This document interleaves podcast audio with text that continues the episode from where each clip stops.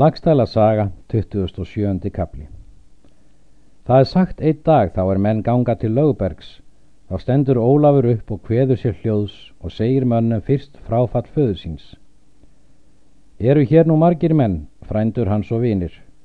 Nú er það vilji bræðra minna að ég bjóði yfir til erfis eftir höskuld föður vorn, öllum goðorsmönnum, því að þeir munu flestir hinnir gildari menn er í tengdum voru bundnir við hann. Skal á því lýsa að yngi skal gjafa laust á brott fara hinna meiri manna. Þar með viljum við bjóða bændum og hverjum er þykja vill sælum og veslum.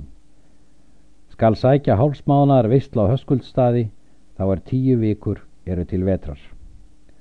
Og er Ólafur lauk sínu máli þá var góður rómur ger og þótti þetta erindi stórum skörulegt. Og er Ólafur kom heim til búðar sagði hann bræðurum sínum þessa tilætlan. Þeim fannst fátt um og þótti ærið mikið við haft. Eftir þingir í að þeir bræður heim. Líður nú sumarið.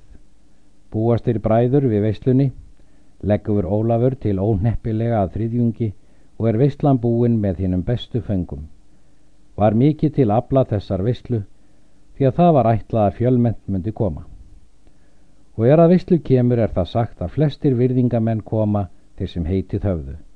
Var það svo mikið fjölmenni að það er sögn manna flestra að eigi skipti nýju hundruð. Þessi hefur önnur veistla fjölmennust verð á Íslandi en svo önnur er hjálta sinni gerðu erfi eftir föður sinn. Þar voru tólfundruð. Þessi veistla var hins skörulegast að öllu og fengu þeir bræður mikinn sóma og var Ólafur mest fyrir maður. Ólafur gekk til móts við báða bræður sína um fjegjafir. Var og gefið öllum virðingamönnum og er flestir menn voru í brottu farnir þá víkur Ólafur til máls við Þorleik bróður sinn og mælti.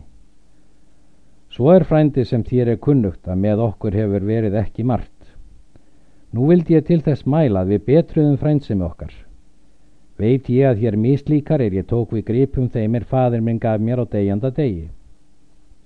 Nú ef þú þykist af þessu vanhaldin, þá vil ég það vinna til heils hugar þíns að fóstra svon þinn og er sá kallaður æ minni maður er öðrum fóstrar barn.